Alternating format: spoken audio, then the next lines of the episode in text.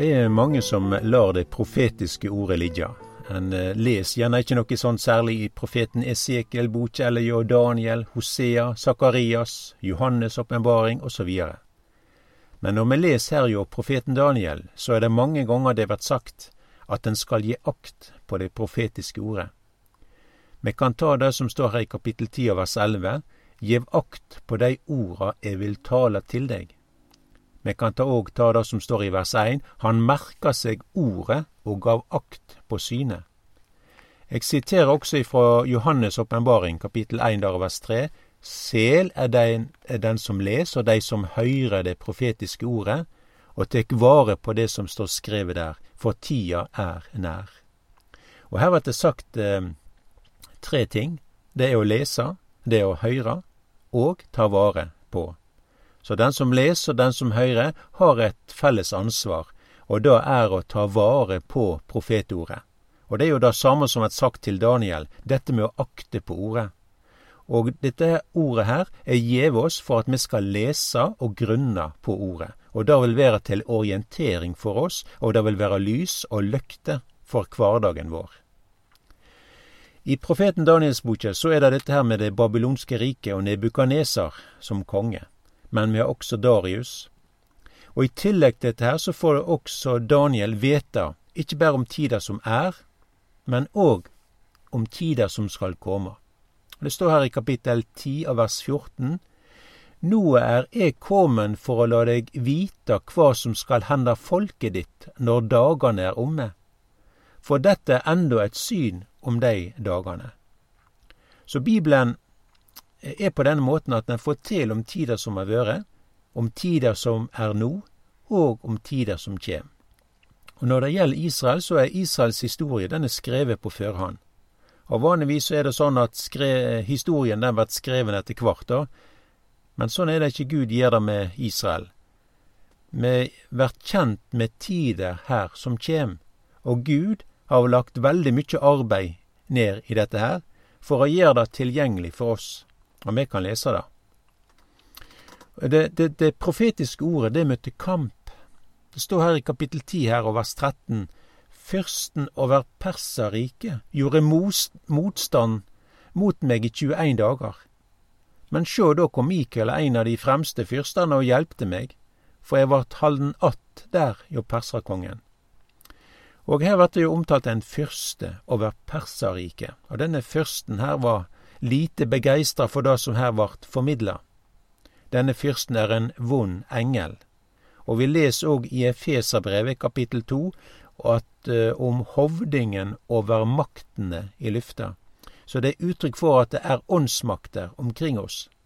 Og når vi leser dette her, så er det også at det er noe mer som er virksomt. Og det er Gud sjølv, og det er englene hans. Vi leser her i verset her om Mikael, en av de fremste fyrstene. Han var den som kom til hjelp. Og Dette står jo også her i kapittel 12, da, vers 1. Der står det at på den tida skal Mikael stå fram, den store fyrsten som verner om borna åt folket sitt. Det skal komme ei slik trengselstid som ikkje har vært for de dagane noe folkeslag var til, og fram til den tida. Men på den tida skal alle dei av folket ditt som finst skrevne i boka, verta frelste. Og vi kan òg lese i Judas brev, så er òg Mikael omtalt som en overengel. Så det, det, denne engelen er for Israel. Og det er interessant dette her med å, å legge merke til englene. Det kan se ut som at nasjonene har en engel. Og englene er jo mye omtalt i Bibelen, og vært eh, skildra på forskjellige måter. Og eh, vi er nok omgjevne mykje meir av englar enn hva vi er klar over, og hva vi skulle tru.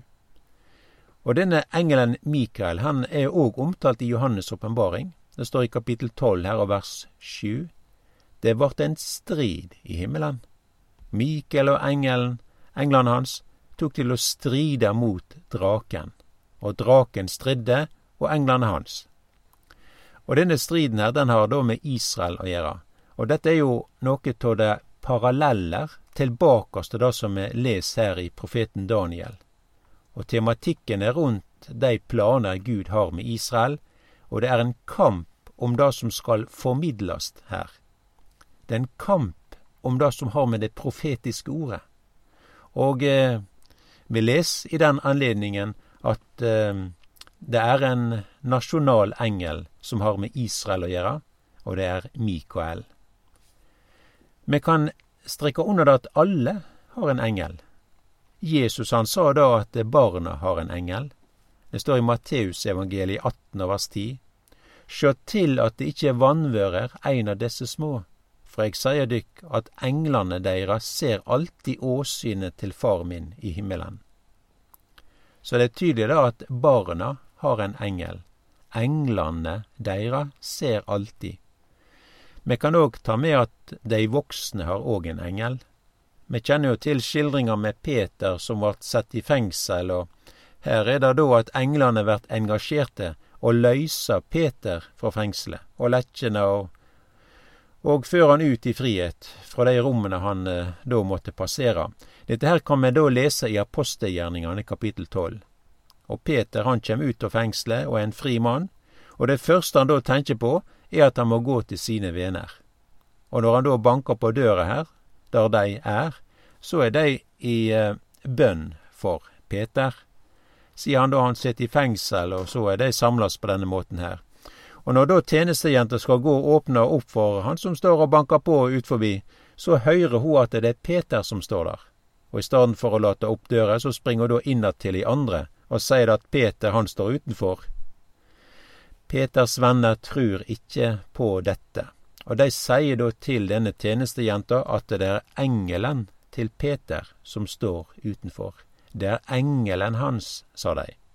Så du leser det i apostelgjerningene tolv.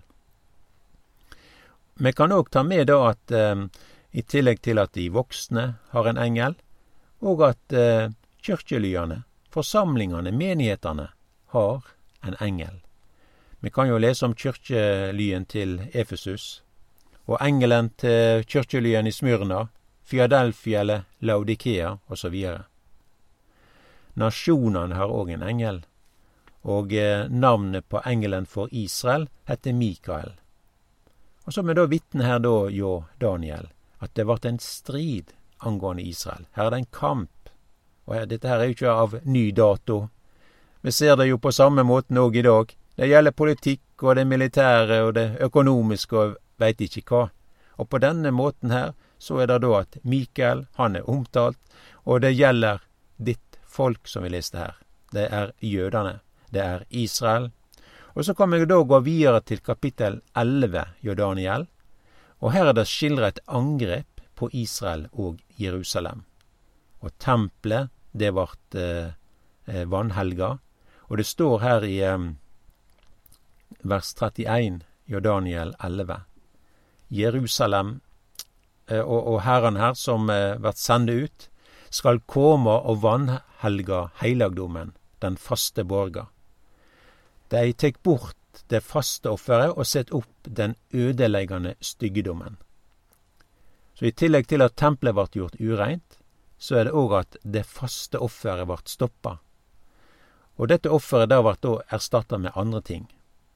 Og fienden som gjør dette her, han bruker sleipe ord, står det.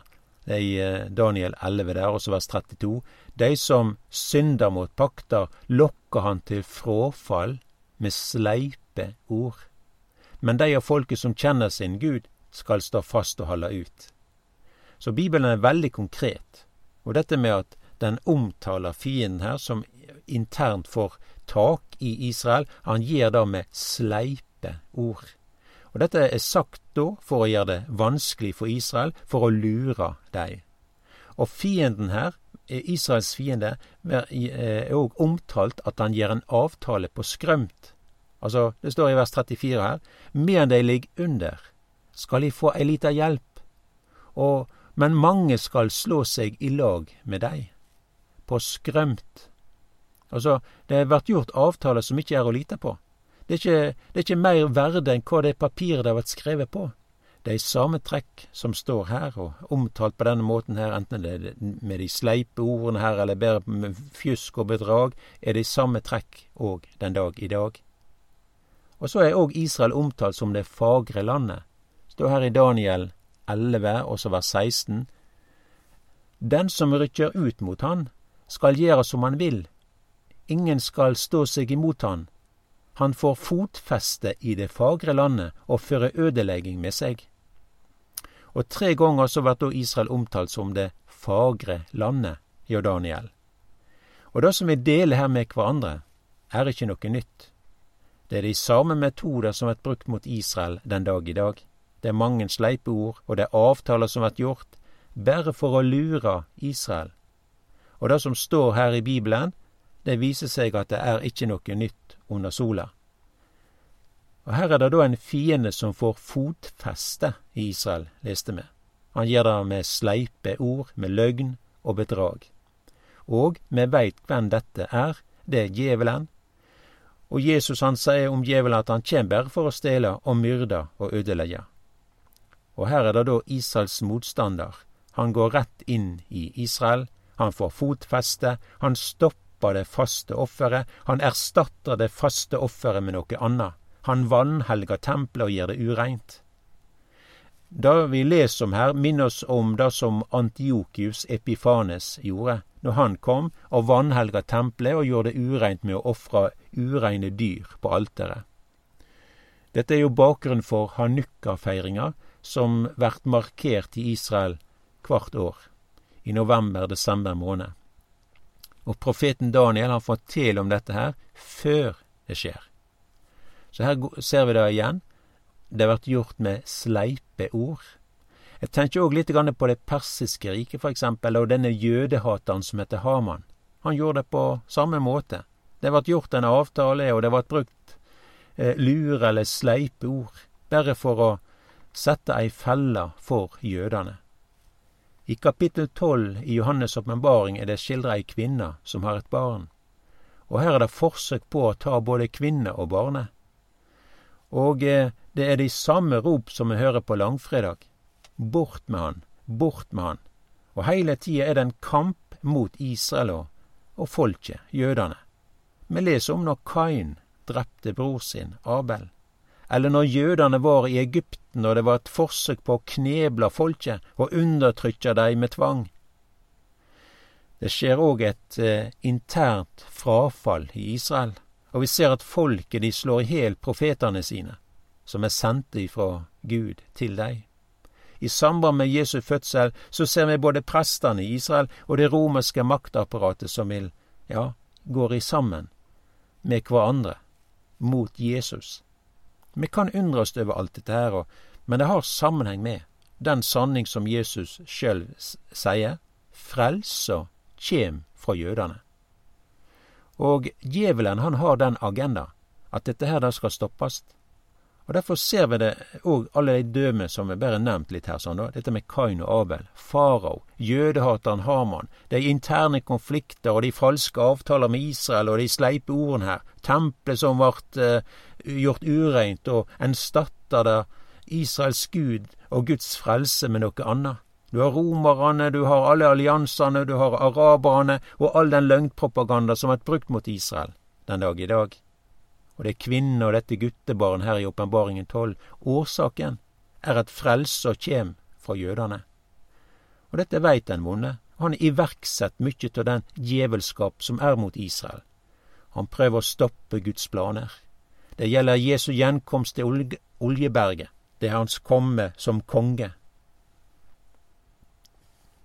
Og dette veit den vonde, og han har iverksett mykje av den djevelskapen som er mot Israel. Han prøver å stoppe og, og, og eh, de Guds planer Herren har. Det gjelder Jesu gjenkomst til Oljeberget. Dette med kongens komme. Djevelen vil ikke lukkast. Alt det som har med djevelen å gjøre, det er ei tapt sak.